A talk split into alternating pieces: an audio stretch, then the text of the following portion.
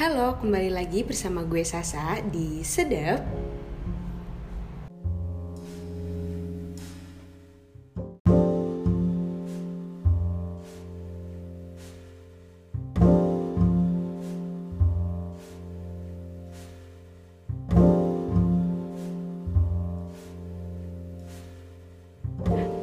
Ya hari ini eh, gue bakal ngobrol sama temen gue namanya Fadel.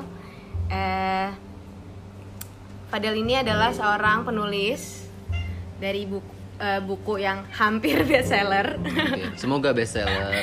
Halo Fadel, boleh perkenalan diri nggak? Halo, nama gue Fadel dan apa nih ya Fadel doang kan? Iya terus eh, Oh, lagi sibuk apa? Oh lagi sibuk apa? Sekarang udah lagi netap di Jakarta dan ya kantoran lah kerja kantoran terus di samping itu kesibukan juga nulis. Kebetulan sekarang udah dua buku. Yang terakhir baru rilis 20 Januari 2020 kemarin. Hmm. Judul? Judulnya tak sekedar pulih. Tak sekedar pulih. Sekadar ya bukan sekedar sesuai dengan KBBI. Oke, oke Pak penulis siap. Ini lo kan habis ngeluarin buku yang judulnya Tas Kadar Pulih. Hmm, Eh, ini berarti kayak perjalanan pulih lo dari patah hati Iya. sampai akhirnya lo bisa berdiri di kaki lo sendiri dengan kuat gitu. Iya. Eh, boleh cerita dikit gak tentang buku lo? Eh, buku gue yang di tas sekedar pulih ini emang proses perjalanan pulih. Jadi sebenarnya ini lanjutan dari buku gue yang pertama. Buku gue yang pertama kan berjudul janji yang kedua tak sekedar pulih. Jadi tak sekedar pulih adalah lanjutan dari buku janji yang menceritakan tentang proses eh, memulai perjalanan yang baru dengan i- ibaratnya orang habis putus lah. I- orang habis putus terus gimana caranya orang yang habis putus itu bisa ngejalanin proses pulihnya sampai ketika dia bisa nemuin eh, titik pulihnya apa yang dilakukan karena kan orang kalau misalkan cuma sekedar pulih ya udah pulih aja gitu tapi dia tidak menemukan uh, versi diri dia yang lebih baik gitu cuma sekedar ya kayak lu sembuh korengan terus udah kering gitu Uh, ya ini di buku ini tuh gimana caranya lu nggak cuma sekedar pulih tapi lu bisa melakukan hal-hal yang lebih baik hal-hal yang buat diri lu sendiri jadi lebih baik gitu Oh gitu. Terus kan berarti ini adalah buku kedua. Yang buku pertama itu janji. Iya. Apa hubungannya antara buku pertama dan buku kedua? Jadi kalau di buku janji itu sebenarnya lebih ke perjalanan cinta. Jadi sebenarnya lebih kompleks di janji itu menceritain tentang proses lu bucin sama orang, lu pengen suka sama orang tapi nggak dapet dapet. Terus pas lu ketika lu dapet orangnya, lu ngejalanin eh, cinta itu dengan sangat baik sampai akhirnya eh, ada titik di mana lu mulai konflik sama pasangan lu sendiri, terus juga eh, rindu yang dipaksakan segala macam akhirnya memutuskan untuk berpisah. Jadi lebih eh, semua perjalanan cinta yang dijadiin satu kalau dijanji kayak gitu. Nah, at the end kan sebenarnya di janji ini pada akhirnya si dua tokoh ini berpisah. Si dua tokoh ini berpisah, akhirnya di tak sekedar pulih. Eh, ada kalimat di buku janji yang terakhir tuh eh, saat ini kita eh, sedang menjalani setelah ini kita akan menjalani ruang perjalanan yang berbeda. Eh, semoga semoga kita pulih dengan cara berjalan masing-masing. Itu di kalimat terakhir janji lah intinya gitu. Nah, proses perjalanan pulih itulah yang masuk ke buku kedua ini. Oke. Jadi kayak udah jalan masing-masing gitu menemukan pulih. Hmm. Jadi di buku pertama dan kedua ini based on pengalaman lo sendiri atau lo kayak eh, dapat dari inspirasi dari orang lain terus kayak ya udah lo bikinin buku. Eh, sebenarnya ada do- ada dari pengalaman sendiri dan ada juga dari pengalaman banyak orang. Jadi sebenarnya kayak kompilasi cerita gitu, kompilasi cerita yang gue jadiin satu tokoh. Misalnya si ada satu orang yang punya kasus kayak gini, ada kasus A, terus gue juga punya kasus B gitu. Akhirnya gue satuin gimana caranya kita bikin satu tokoh yang bisa relate sama orang-orang gitu. Oh gitu.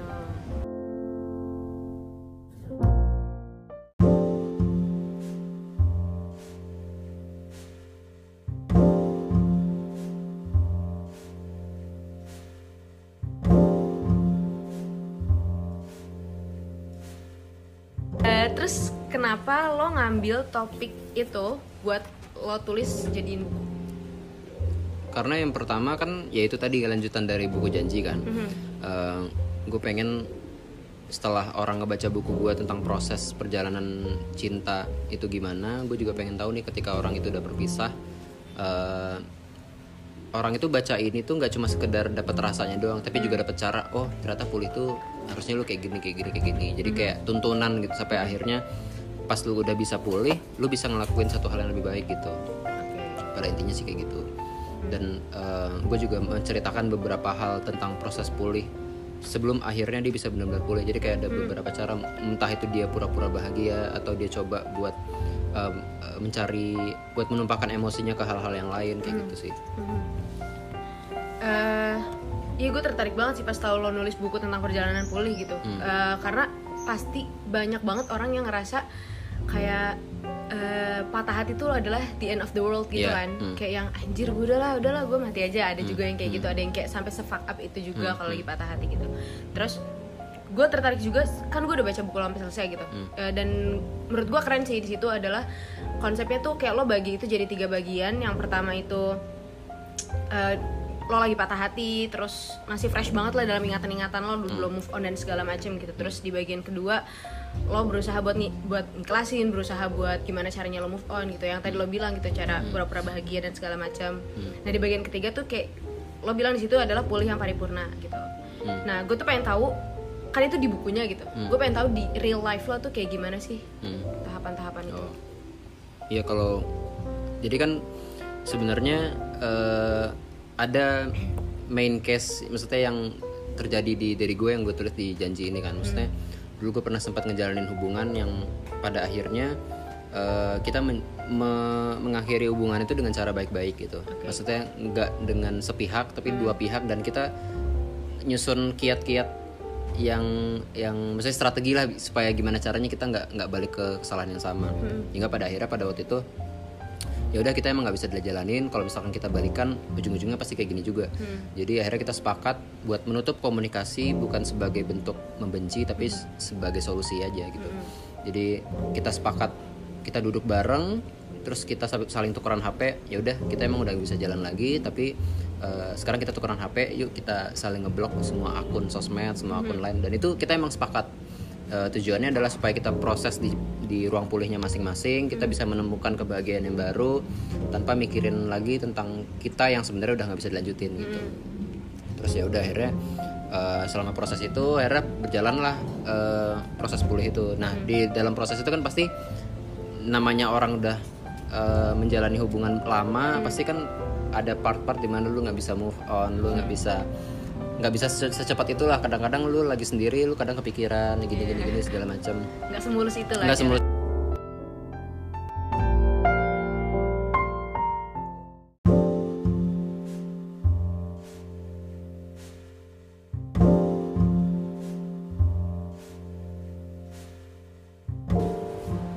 Ya, jadi nggak berjalan dengan semulus itu Eh, sampai akhirnya, aduh, gue jadi lagi down downnya, gue butuh semangat segala macem. Ibaratnya emosi gue lagi naik naiknya nih. Nah, eh, ketika gue putus itu, gue pengen emosi gue ini nggak sekedar gue tumpahkan aja, maksudnya cuma nangis doang, cuma menyendiri. Gue rasa ini gue lagi adrenalin gue lagi tinggi tingginya nah akhirnya gue cari cara. Aduh gimana ya caranya biar bisa eh, kesedihan ini bisa jadi hal yang positif menurut eh, bagi gue gitu. Akhirnya gue punya punya basic menulis akhirnya gue coba aduh gue tulis lah. Kebetulan waktu gue putus gue lagi lagi naskah janji itu. Oh gitu. Nah jadinya eh, menurut gue yang paling emosional di buku janji itu adalah di di bab terakhir. Karena itu adalah bab setelah gue abis an- anjir putus abis terus lagi pengen nyari eh, di situ gue lancar banget tuh. Dan pas eh, editor gue juga ngebaca bab 4 tuh emang oke banget sih. Maksudnya dibandingin sama bab 1, bab 2, bab 3 ya karena itu emang gue habis putus ibaratnya maghrib gue putus malamnya gue langsung nulis. Anjir itu bab bab selesai? Bab 4 tuh selesai. Anjir. Jadi se gue nggak mau berlarut-larut maksudnya gue pengen eh, akhirnya itu bisa menumpahkan eh, rasa gitu. Ya kalau kita kan sekarang perhatiin kebanyakan kan karya-karya orang yang akhirnya berhasil kan kebanyakan emang berangkat dari Bener. emosinya dia kan. Orang nulis lagu ya. eh, berasal dari dia patah hati dia dilukai segala macam akhirnya jadi lagu yang yang bagus. Terus orang melukis pun berdasarkan dari dia yang eh, menumpahkan emosinya bingung akhirnya dia lihat lukis- lukisan. Jadi akhirnya bisa jadi sebuah karya seni lah. Nah jadinya nggak tahu kenapa mungkin setiap orang kan punya cara proses pulihnya masing-masing ya. Kalau gue ngerasa dengan gue setelah menulis itu dan gue coba update di media sosial gue jadi naskah gue jadi kayak pas orang ngebaca dan orang ngerasa relate gue ngerasa uh kayak puas aja gitu kayak ada sesuatu yang puas yang menurut gue ternyata luka gue tuh bisa jadi sesuatu yang eh, bisa di- dinikmati orang gitu. Nggak akhirnya aduh gue di apa gue disakitin terus ya biar gue dapat dapat naskah yang bagus gitu. Gue pernah mikir Kayak gitu. Taylor Swift, anjir, putus mulu lah, kan kerjanya. iya kayak Taylor Swift kan dia nggak apa lah bikin drama disakitin akhirnya dia bisa bikin lagu yang bagus gitu. Gue sempet mikir gitu anjing gue apa gue putus putus berkali-kali kali ya bisa dapat momen itu. Ah. terus akhirnya ya udah akhirnya jadi naskah gue tulisin tuh di tak sekedar pulih Hmm. itu proses gue menjalani hingga akhirnya gue bisa baik-baik aja sekarang Hmm. gitu ya salah satunya gue juga ngejalanin yang namanya pura-pura bahagia Hmm. jadi mas pas gue masih merasa sedih gue ngejalanin naskah terus ngejalanin kehidupan sehari-hari tuh gue merasa ada di part eh, ada beberapa part yang gue merasa fake jadi Iya. orang yang fake gitu maksudnya eh, pura-pura bahagia sampai gue tuh pengen pura-pura bahagia sampai lupa kalau lagi pura-pura. Oke. konsep yang ada di pikiran gue tadinya kayak gitu. Heeh. Eh, hingga pada akhirnya gue nggak bisa lupa nih. Heeh. tetap aja masih bisa kepikiran kalau gua- itu? itu eh, berlangsung hampir setengah tahun lah enam bulanan lah. Dan itu lah menurut gue lama banget kan. Lama. Terus? Gue berusaha buat baik-baik aja. Eh, kalau misal kayak di NKCTI lah NKCTI kan dia memendam kesedihan kan bukan menerimanya. Nah gue melakukan itu dengan dengan asumsi ketika melupakan eh ketika gue lupa eh ternyata gue udah baik-baik aja sekarang. Ternyata nggak lupa gue masih kepikiran kan? Akhirnya gue menyadari kalau konsep pulih itu adalah bukan eh, bukan melupakan. Pulih itu bukan kita bisa melupakan. Manusia itu nggak bakal bisa lupa. Manusia itu bakal selalu ingat setiap kejadian penting dalam hidupnya. Yang konsep pulih yang gue maksud adalah ketika kita mengingat dia mengingat kejadian masa lalu kita udah bisa baik-baik aja gitu. Betul. Nah jadi ya, akhirnya gue melupakan lah konsep pura-pura bahagia sampai lupa eh sampai lupa kalau lagi pura-pura. Gue lupakan lah konsep itu. Hmm. akhirnya yaudah gue balik lagi dengan konsep menerima. Hmm. Eh, ya udah gue sedih. Ketika gue sedih ya udah gue nangis. Maksudnya gue gue jangan kalau lu nangis ya udah nangis aja tumpahin aja sampai lu kelar gitu. Hmm, kalau lu lagi bahagia ya udah mbak abisin bahagia lu. Ah. karena ya ketika lu setengah-setengah eh, ketika kit- lu bahagia lagi pasti ada tuh part-part sedih yang masih ketinggalan karena belum lu habisin gitu kan nah makanya eh, di tak sekedar pulih ini lebih membahas tentang gimana lu cara menerima luka masa lalu lu itu gitu sih Ah. Terus lo tuh punya tagline, lu kamu adalah royaltiku. iya Ini kalau mantan lu tahu, mantan lu brengsek brengsekin lu nih. Iya. Anjing juga nih Fadel. Iya, Ceritain bener dong tentang tagline lo ini. Eh, di tagline gue ini kan emang lu kamu sebenarnya kalau nggak salah ini sebenarnya konsep awal dari Bernard Batubara dia sempat bilang eh, untuk apa tersakiti jika tidak jadi royalti? Dia sempat bilang gitu. Kan gua, anjing bener juga nih. Terus akhirnya gue menulis naskah based on luka gitu kan. Akhirnya, lukamu adalah royaltiku. Jadi dan di, ber- di dua buku gue kan emang gak cuma cerita gue sendiri. Ada banyak cerita-cerita orang yang itu gue terjemahkan jadi satu tokoh. Jadi banyak cerita luka dari orang-orang banyak nih yang itu bisa jadi gue dijadiin naskah dan akhirnya dapat royalti gitu sih gue mikirnya Oke. Terus kan berarti kalau misalkan perjalanan pulih lo yang di buku tuh adalah idealnya kan sebenarnya udah dari udah difilter lah istilahnya gitu. Pasti kan ya lo nggak ceritain lah apa mungkin aja lo kayak kan kalau misalkan orang patah hati mabuk lah gue biar lupa gitu. Mhm. Maksudnya itu adalah maksudnya itu udah difilter kan pasti gitu. Sebenarnya eh maksudnya saat-saat paling buruk lo tuh lo ngapain gitu pas lagi kacau-kacaunya. kalau pas lagi kacau-kacaunya jujur sebenarnya gue nggak pernah melakukan hal yang yang sampai fuck up banget sih. Maksudnya eh, di satu sisi mungkin karena gue cowok ya. Maksudnya karena gue cowok jadi banyak hal yang bisa gue lakuin eh, maksudnya gue berusaha buat eh, ngerasin logika gue aja. Ya Oke. udahlah udah udah kelar gue bisa cari cewek lagi gue bisa gue bisa ini lagi. Jadi ya udah gue sedih sedih aja dulu gue gue rasain sedihnya sampai akhirnya di satu titik gue udah capek nangis nangis aja capek kan. Gue mikir nih aduh ngapain ya?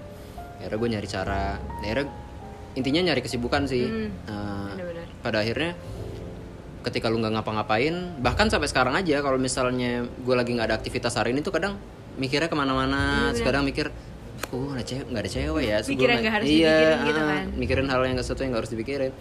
Ya ujung-ujungnya gimana caranya gue tiap hari tuh adalah yang bisa gue lakuin gitu. Hmm. entah itu gue uh, seru-seruan di media sosial bagaimana pokoknya sesuatu yang bisa mengisi hari-hari gue gitu. Tapi kalau yang sesuatu yang fuck up sampai gitu-gitu kayaknya enggak sih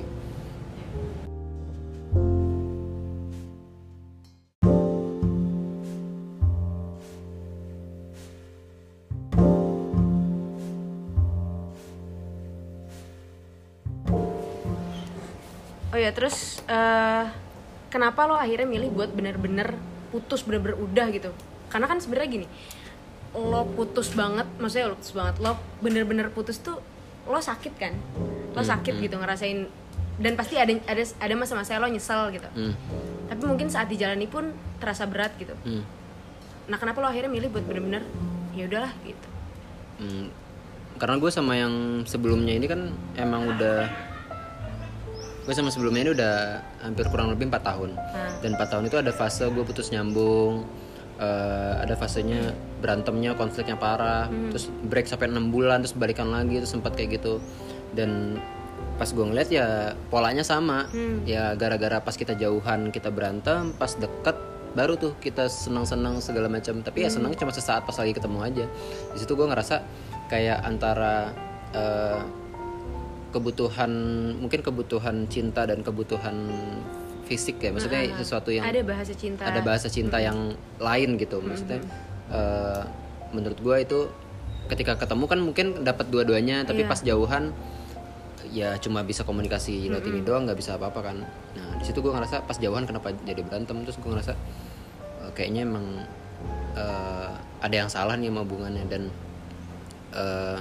ada ada part di mana kita juga mulai mempertanyakan tentang konsep tulus sih.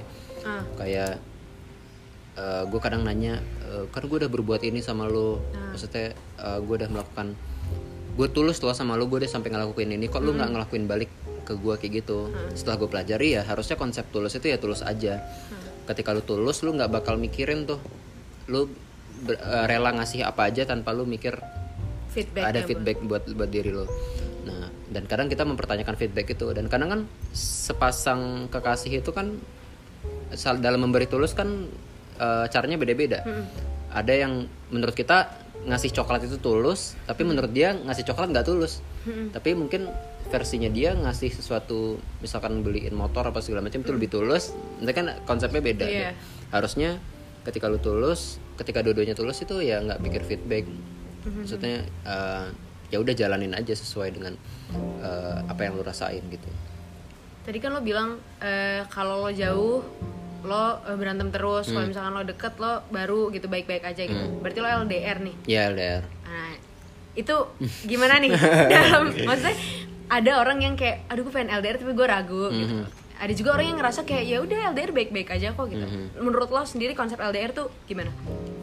Ya konsep LDR sebenarnya apakah itu kayak ya udah nggak apa-apa gue bisa kok LDR gitu atau kayak ah bullshit lo LDR anjir gitu itu special case yang menurut gue nggak semua orang bisa laluin sih. Nah itu lagi-lagi butuh emang pas sepasang yang butuh ibaratnya komitmen yang kuat banget sih. Karena kan yang pertama kita nggak dapet physical thoughts, kita nggak dapet afeksi secara langsung, Bener. hingga akhirnya gejolak-gejolak ketika kita berjauhan kita butuh nih sebagai seorang manusia kita butuh eh, dipeluk kita butuh apa segala macam. Dan itu kita nggak dapetin di cewek kita yang jauh di pasar kita yang jauh. Nah itu yang benar-benar butuh komitmen yang yang eh, komitmen yang kuat lah di situ. Dan waktu gue sama yang sebelumnya emang ada part di mana eh guanya punya konflik. Maksudnya gue sempat dekat juga sama orang. Ini gue jujur aja nih gue gue sempat dekat sama orang. Terus akhirnya gue ngerasa ya itu emang salah gue dan akhirnya coba diperbaikin bareng-bareng. Tapi ujung-ujungnya emang ya itu kayak antara eh, cinta dan nafsu itu nggak balance lah. Terusnya kan eh, nggak nafsu doang nggak cinta doang tapi harusnya kan dua-duanya. Oke oke oke. Berarti tapi kalau misalkan lo akan menjalani hubungan LDR lagi menurut lo lo enggak dah gue mendingan gak usah gitu. Eh, untuk saat ini untuk saat ini mungkin enggak sih. Ah, maksudnya ya belajar dari yang dulu. Tapi nggak tahu ya kalau udah nanti kalau udah jadi suami istri mah pasti mau nggak mau harus dihadapin kan ya, ya. Oke. Gitu sih. dan eh, kalau ngomongin tentang eh, LDR kan kadang karena kita nggak bisa bertemu dengan pasangan kita secara langsung kadang ngerasa ih ada cewek cakep nih gitu kan cakep banget kok ada ada part cewek gue nggak kayak gini nih maksudnya pasti kan ada kan cowok ataupun cewek yang mikir duh kok cowok gue nggak kayak gini ya, Duh, cewek gue kok nggak nggak se- nggak secantik ini ya. Nah di situ gue eh, di situ gue juga belajar. Ah, dan setelah gue putus itu kan gue sempat deket nih sama beberapa cewek dan sampai sekarang satu tahun lima bulan gue sampai sekarang nggak dapet cewek. Maksudnya bukan nggak dapet cewek, gue ada part di mana gue deket sama cewek terus gue nggak memutuskan buat lanjut gitu karena lo Karena- bandingin sama yang iya Oh. pada akhirnya gue pada akhirnya membandingkan maksudnya Ah. gue dulu dapat kayak gini tapi kok di sini nggak dapet ya? Ah. kok di pas di dapet cewek yang B tapi eh, nggak ada di A? Maksudnya Mm-hmm, selalu membanding bandingin lah pada ya, itu menurut gue eh, belum bisa menerima dengan sepenuhnya sih. Ah. nah. Soalnya emang keren banget sih cewek yang sebelumnya. Nah iya makanya Mampus Ibaratnya standarnya udah tinggi kan. Eh, serius, serius pas bilang Aduh anjir kok dia gak, nggak sebagus yang dulu? Hmm. Kok gue turun standar nih? Gitu mikir gitu. Tapi pada akhirnya gue mikir Kadang-kadang kita tuh suka eh, Kita tuh terlalu sibuk. Eh, Menurut lo kenapa sih Rumput tetangga selalu lebih hijau? eh ya karena mungkin kita nggak bersyukur sama yang apa yang kita punya juga kali ya. Iya karena kita terlalu sibuk merhatiin rumput tetangga Sampai rumput kita nggak diurusin. bener. Nah jadinya menurut gua ngapain sih kita sibuk dengan hal-hal yang di luar kemampuan kita, yang di luar yang harusnya kita sibuk dengan karangan kita sendiri gitu loh. Kita terlalu sibuk merhatiin orang lain sampai lupa nih ada hal yang jauh lebih membahagiakan dari diri kita sendiri. Kita terus eh, menilai standar bahagia itu berdasarkan orang lain sampai kita lupa bahwa ada hal yang jauh lebih membahagiakan dari diri kita sendiri. iya Gitu. bener banget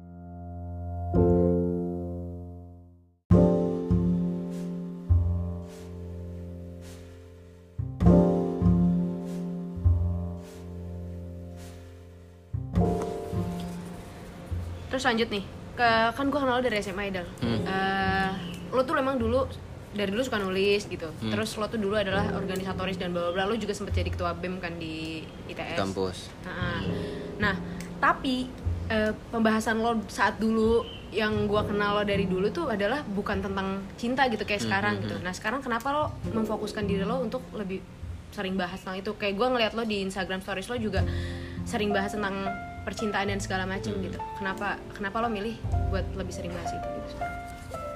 Eh, sebenarnya waktu SM sebenarnya gue juga menilai diri gue pas SMA sama kuliah tuh beda banget sih. Maksudnya pas SMA itu orientasi gue pokoknya pengen kelihatan aktif ambisius pengen dapat eh, maksudnya aktif di mana-mana gitu kan. Sampai akhirnya nulis dan nulis pun topiknya tuh topik-topik berat-berat lah sosokan berat gitu karena gue nggak paham-paham banget gitu.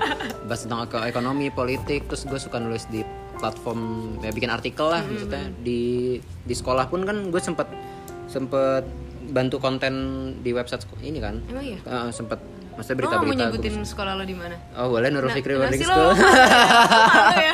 bukan malu bukan malu takutnya nggak boleh disebutin gitu Oke, oke. iya di NF gitu kan gue gue dulu sering maksudnya sampai semua aktivitas gue di luar kayak ikut forum apa forum Hmm. apa tuh gue sering nitip konten artikel dua bahas tentang itu di Hmm. website sekolah terus eh, akhirnya eh, ya akhirnya pas kuliah pun gue masih kayak gitu. Gue ikut salah satu beasiswa juga. Yang beasiswa itu menuntut gue eh, buat stay on the track di Hmm, jadi orang baik. jadi orang baik. Jadi orang baik. Kepemimpinan gini-gini. Cuman ada satu part gue ngerasa di tengah-tengah kayaknya kayaknya ini udah bukan gue deh. Maksudnya gue mulai ngejalan itu dengan kepaksa. Gue mulai ngerasa ini nggak sesuai sama idealisme gue. Hingga akhirnya gue suka bolos tuh dalam program-program beasiswa itu. Hingga akhirnya gue dikeluarin karena KPI nggak nggak nggak cocok. Eh maksudnya di bawah standar. Heeh. ya maksudnya kayak se- sesederhana di sana tuh nggak boleh ngerokok nggak boleh pacaran. Itu di awal udah ada tuh tangannya tapi gue bohong. Gue ya jadi gue ngerasa "Anjir, fake banget gue ya. Maksudnya Ustadz Musoli. Tolong denger ini ah, gue balik dulu ya. Iya gue ngerasa di situ aduh kayaknya emang udah bukan gue. Terus setelah gue itu eh, gue ngerasa pas gue keluar dari beasiswa itu gue ngerasa diri gue lebih melesat di situ. Ah. Maksudnya gue lebih ngejalanin aktivitas gue di kampus tuh jadi lebih jadi lebih nyaman jadi lebih banyak aktivitas yang pengen gue lakuin di luar tuh jadi lebih produktif dibandingin gue aktif di di dalam program-program eh, asrama gitu kan. Ya ya udah akhirnya sampai lah pokoknya pas gue keluar gue langsung nerbitin buku itu. Yang janji itu? Oh bukan yang Oh, yang, yang lapak sebelumnya. ya yang lapak pekarya itu. Gue sempat nulis buku self publish sebelumnya itu kayak kumpulan tulisan gue yang lama gue terbitin. Oke. Tahun 2018 tentang perantauan gitulah tapi udah nggak?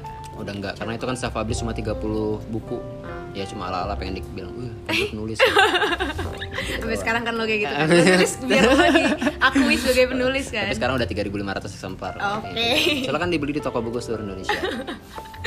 iklan terus Iya makanya pas eh, pas masuk ke ini mulai tuh so- sosmed gue mulai berubah tuh. hmm. Oh di lapak pekarya itu gue sempat launching platform namanya lapakpekarya.id. Di situ gue pengen orang-orang punya informasi tentang di mana sih dia bisa nulis. Kalau misalkan di Kompas sejak- setiap hari apa aja dia bisa nerima tulisan. Terus di platform misalkan ada Good News from Indonesia atau selasar.com yang nyediain platform tulisan. Nah rutin tuh gue ngisi konten di lapak pekarya. Sampai di part gue bingung mau ngisi apa, gue mulailah nulis-nulis sajak, gue nulis puisi, terus ujung-ujungnya anjir kok nyaman ya gue nulis ini ya? Terus sedikit demi sedikit pembacanya ada maksudnya ada aja orang yang repost bisa nge-track dari situ kan. Akhirnya gue bawa lah lapak quotes quotes di lapak pekarya ini ke akun utama gue yang Fadel Lulian Heeh. pas gue tulis itu set eh, akhirnya makin banyak peminatnya. Gue coba Instagram ads pakai sajak gue akhirnya naik tuh 2000 3000 kan. 2000 fo- eh, maksudnya 2000 likes segala macam kan. Terus gue ngerasa wah kayaknya emang emang kayaknya gue di sini nih. Dan emang kan sajak-sajak itu emang berasal dari pengalaman gue sendiri. Terus sampai akhirnya eh, dinotis sama penerbit. Penerbit ngeliat Instagram gue oh, bagus nih. Akhirnya ditawarin bikin naskah. Situ gue ngerasa dan gue ngejalaninnya nyaman aja mbak. Seneng aja gitu gue bisa jadi diri gue sendiri.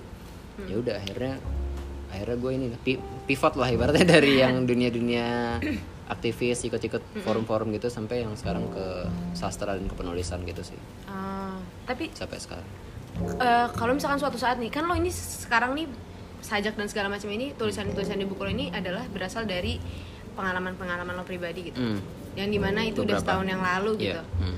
Eh, kalau suatu saat lo udah kayak anjir gue udah nggak sakit hati udah nggak tahu apa yang mau gue tulis Hmm. lo mau nulis apa sebenarnya gue berusaha konsisten buat buat eh, berada di ranah ini sih. Hmm. di ranah yang karena kan memang kebanyakan pembaca gue emang yang nyaman dengan tulisan-tulisan gue yang eh, bedanya mungkin gue nggak terlalu jago bikin novel. Tapi gue mungkin lebih jagonya di bikin prosa. Kalau kalau misalkan novel kan lu mentingin plot alur anjir habis ini partnya apa ya? Iya. habis ini si cewek mati gak sih? Gitu kan. Kalau di prosa enggak di prosa tuh lu lebih main ke rasanya. Lu nggak apa-apa tahu ujungnya gimana tapi lu nikmatin tuh setiap tulisan-tulisan di dalamnya. Nah jadi gue pengennya eh, semua tulisan gue nggak melulu tentang cinta tapi gue pengen semua tulisan gue itu adalah berangkat dari rasa. Gitu sih. Jadi pada, pad- akhirnya rasa itu kan akan selalu ada kan. Entah itu rasa itu tentang cinta entah itu tentang eh, tentang diri sendiri tentang keluarga segala macam. Nah gue bakal akan selalu membawa topik rasa itu ke mana-mana sih. Oke. yang gue rasa itu relate dan gue kuasai kayak gitu sih. Dan ada satu eh, topik yang menurut gue itu bukan tentang cinta yang menye-menye maksudnya eh, romantis gitulah segala macam di buku lo yang kita sekedar boleh dia itu yang tentang parfum ibu apa sih judulnya? Iya iya, eh, kisah parfum ibu. Nah itu menurut gue itu buat gue nangis banget sih nah apakah lo akan maksudnya itu kan tapi cuma satu dari Cuma satu dari iya, sekian banyak dari kan? sekian banyak gitu apakah mungkin lo bakal bahas tentang keluarga atau apa gitu Ah, jadi itu kan emang part gua memahami pulih itu kan. Jadi dalam proses itu gua memahami. Jadi di bab 2 itu, bab itu kan ada di bab 2. Itu tuh pura-pura bahagia kan. Jadi kalau lu rasain bab 1, bab 2, bab 3, bab 2 nih yang paling nyeleneh. hmm Eh, kisah parfum itu bab 2 bukan nih? satu Gue lupa pokoknya. gue juga lupa sih Pokoknya di bab 2 itu isinya tentang yang karena konsepnya adalah pura-pura bahagia, jadi banyak tulisan gue itu yang agak-agak lelucon gitu, maksudnya agak agak lucu-lucuan. Misalkan hari ini aku disuruh-suruh oleh tulisanku sendiri, aku menuliskan beberapa sajak gitu segala macam. Nah, kisah parfum ibu ini adalah ya pengen gue coba kayak prototipe lah, gue coba masukin satu tulisan yang emang membahas di hal yang lain tapi ya membawa rasa itu sendiri. Jadi kan yang kalau yang parfum ibu kan sederhana ya mesti nyokap ngasih gue parfum tapi nyokap kan udah nggak pakai parfum karena sesuai dengan sunnah se- segala macam pas gue cium baunya wih ini ini parfum udah lama banget nih dan gue baru nyokap gue udah be- sebegitu lama nyimpen kan. Terus kasih ke gue gue inget banget nih waktu meluk nyokap gue setiap pulang dari rumah. Karena kan yang kerja nyokap gue bukan nyokap gue jadi gue ngerasain banget tuh gitu. perjuangannya eh, nyokap gue buat ngidupin anak-anaknya. Jadi pas ya pas gue masih SD gue nungguin nyokap gue pulang dari rumah gue peluk Eh, yang dan wangi itu tuh selalu ngerasa. Jadi gue ngerasa pas gue tiap hari. Dan gue sering di sering diomelin lu pengen pakai pakai parfum ini sih? Oh teman-teman suka ngomel karena baunya tuh nggak cowok Ibu-ibu banget banget. ibu-ibu banget. Nah.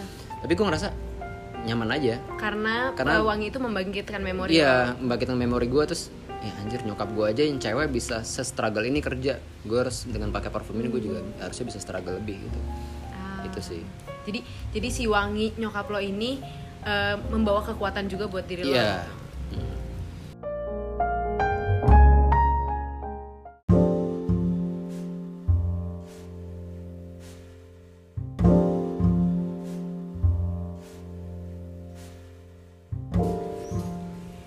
Ini kan dari tadi kita ngomongin tentang uh, relationship lah ya Hmm. Nah, tapi kayak sering gak sih kalau misalkan eh, lo di dalam relationship nih, lo ngerasa saling mencintai, lo ngerasa kayaknya kayak gue udah- tuh udah cocok sama dia, tapi kenapa kadang-kadang tuh masih ada aja lo konflik-konflik yang bikin stres gitu loh. Nah, gue kan eh gue banyak belajar tentang relationship sih, gue banyak baca teoritis lah ya, walaupun emang setelah dipraktekin itu sulit gitu Aha.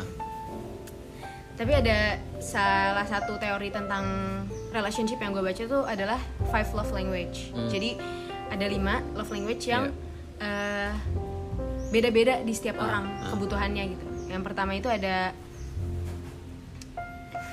ada word of affirmation. Aha. itu kayak eh, lo mungkin harus diucapin I love you Yeah. setiap hari terus I miss you bla bla bla kayak kamu cantik hari ini bla terus ada act of service yang kedua tuh. Jadi kayak misalnya kalau cewek ya sukanya diantar-antar ke mana-mana gitu act of service. Terus receiving gift kayak gue ngerasa dicintai kalau misalkan gue dikasih bunga gue dikasih jam gitu atau gue gue suka kalau gue dikasih coklat bla bla bla gitu. Nah ada juga yang keempat tuh quality time. Jadi gue ngerasa sangat dicintai ketika gue menghabiskan waktu bersama-sama gitu. Kayak yang gue ngobrol nyambung segala macem. Yang kalau misalkan dia dia lagi sama gue dia selalu naruh HP-nya dan fokus sama gue gitu kan itu quality time gitu. Terus yang terakhir tuh ada physical touch gitu kan. Nah itu kebutuhan di setiap orang beda-beda gitu kan. Nah eh, kadang-kadang eh, mungkin menurut gue nih gue nih misalnya kebutuhan gue adalah quality time gitu. Hmm. tapi mungkin pasangan gue eh, kebutuhannya beda gitu. Hmm. kebutuhan paling penting menurut gue tuh menurut dia beda gitu. Jadi itu akan menimbulkan konflik kan kadang-kadang. Gitu.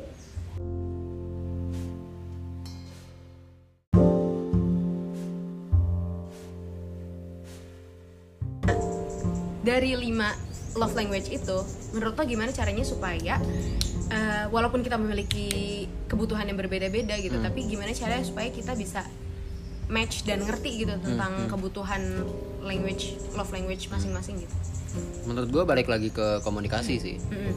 Dalam artian kita tahu apa yang pasangan kita mau dan kita tahu apa yang kita mau gitu. Mm-mm. Ya dari dari lima itu misalkan gue dominan yang mana, dari lima itu mana yang dominan ke dia.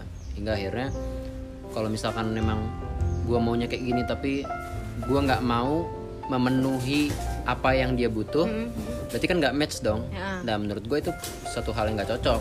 Oke. Kecuali kalau misalkan itu teori mau dibantah dulu, mau dijalanin dulu, itu is oke. Tapi menurut gue semuanya harus jelas dulu di awal.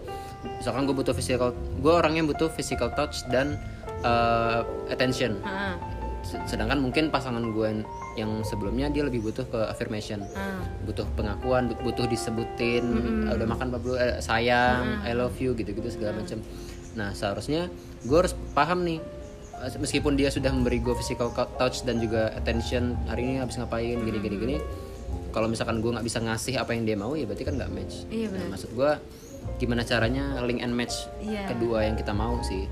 Dan ketika ada nggak bisa dipenuhi, Mhm. misalkan eh, ternyata si cewek gue ntar dia butuhnya dikasih barang-barang segala macam, sedangkan gue nggak mau itu, nah berarti kan nggak cocok tuh. Nah itu akhirnya adalah eh, namanya eh, ibaratnya kompromi. Mau nggak kalau misalkan gue gue kayaknya nggak nggak bisa memenuhi yang itu, tapi gue bisa memenuhi yang memenuhi yang lain gitu sih. Ya lebih ke komunikasi di awal sih kalau menurut gue. tapi kan ada masa-masanya misalnya lo lagi berantem nih Ah. dan ada masanya pasti lo kayak yang udahlah bodo amat anjir tentang kayak gitu-gitu gitu pasti kan kayak ada juga kadang-kadang lo bukan bodo amat tapi lupa Yeah. ya kan lupa bahwa bahwa kita tuh punya kebutuhan yang beda-beda gitu Hmm. Ya menurut gue kuncinya dibalikin lagi sih, dibalikin di awal.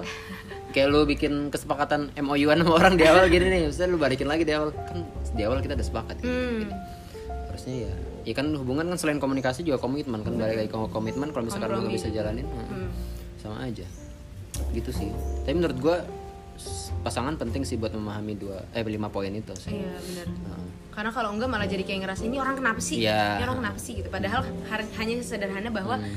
love language masing-masing dari manusia itu beda-beda. ya bisa jadi misalkan lu kenapa kok balas chat gua kok lu beda hari ini Hmm, terus harusnya si pasangannya ngerti mungkin gue belum memenuhi kebutuhan dia yang pertama nih Hmm. belum ngucapin I love you belum ngucapin sayang ke dia hari ini kan kita bisa itu bisa jadi solusi gitu Betul, betul banget. Setuju sih gue. Ini kita udah lumayan lama nih. Kayaknya udah mau di penghujung. Terus lo ada pesan-pesan nggak buat pendengar lo, pendengar podcast gue atau eh, yang baca buku lo atau siapa pun lah yang mungkin lagi patah hati atau lagi butuh apalah pesan-pesan terakhir lo? Hmm. Ya menurut gue balik lagi ke awal sih Buat yang abis patah hati, yang abis putus, yang sedang mencari jati diri dia yang baru bisa jadi lebih baik Menurut gue ya yang pertama kalau lu sedih ya sedih aja. Abisin dulu tuh adis eh, sed- adis lagi kan. Abisin dulu tuh sedih lu sehabis habisnya tapi bersedihlah dengan secukupnya. Maksudnya dalam artian jangan lu terlalu berlarut-larut. Ketika lu udah habis sedihnya lu tahu harus ngapain setelah itu. Terus yang kedua kalau misalkan lu punya suatu kemampuan suatu hobi suatu apa pun yang bisa lu terjemahkan dari emosi lu yang meluap-luap sekarang itu akan jadi lebih baik dan menurut gue itu healing banget sih. Entah lu itu dengan menulis entah lu itu bikin lagu entah lu eh, melukis lah atau lu mungkin main futsal basket kalau itu bisa ya mencari kesibukan yang itu bisa eh, meredam emosi lu atau bisa menerjemahkan emosi lu jadi sebuah karya gitu sih. Terus yang ketiga ya jangan lupa buat menerima diri lu sendiri sih. Maksudnya dalam artian ketika lu sedih ya jangan pura-pura maksudnya terima aja diri lu ya diri lu emang lagi sedih gitu jangan jangan fake dan berusaha bahagia seutuhnya dan lagi-lagi ya balik lagi ke yang rumput tadi sih Iya. ketika kita terus menjadikan orang lain sebagai standar kebahagiaan kita nggak pernah benar-benar bahagia itu Henry Manampiring di bukunya filosofi teras gue juga baca.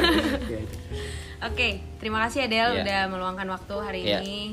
Eh, semoga lebih banyak lagi yang beli buku lo. amin bestseller amin Amin. amin amin ini udah dipromosiin ya dari tadi di Iya, sini. ha. Oke, eh, terima kasih sekian buat hari ini. Bye bye. yuk